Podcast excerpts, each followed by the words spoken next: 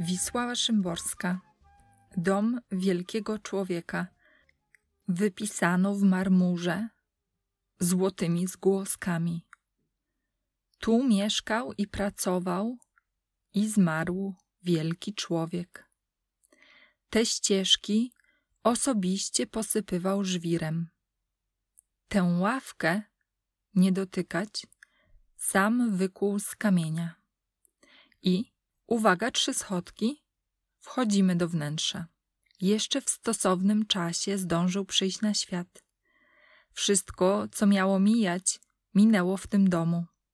Nie w blokach, nie w metrażach umeblowanych, a pustych. Wśród nieznanych sąsiadów, na piętnastych piętrach, dokąd trudno by było wlec wycieczki szkolne. W tym pokoju rozmyślał, w tej alkowie spał, a tu przyjmował gości. Portrety, fotel, biurko, fajka, globus, flet. Wydeptany dywanik, oszklona weranda. Stąd wymieniał ukłony z krawcem albo szewcem, co szyli mu na miarę. To nie to samo, co fotografie w pudełkach, zeschnięte długopisy w plastikowym kubku, konfekcja z magazynu, w szafie z magazynu, okno, stąd lepiej widzi się chmury niż ludzi. Szczęśliwy? Nieszczęśliwy? Nie o to tu chodzi. Jeszcze zwierzał się w listach, bez myśli, że po drodze zostaną otwarte. Prowadził jeszcze dziennik dokładny i szczery, bez lęku, że go straci przy rewizji. Najbardziej niepokoił go przelot komety.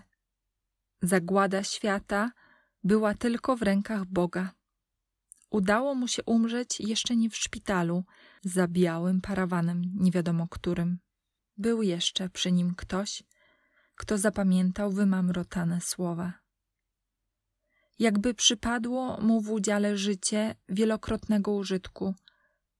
Książki słał do oprawy, nie wykreślał z notesu nazwisk osób zmarłych.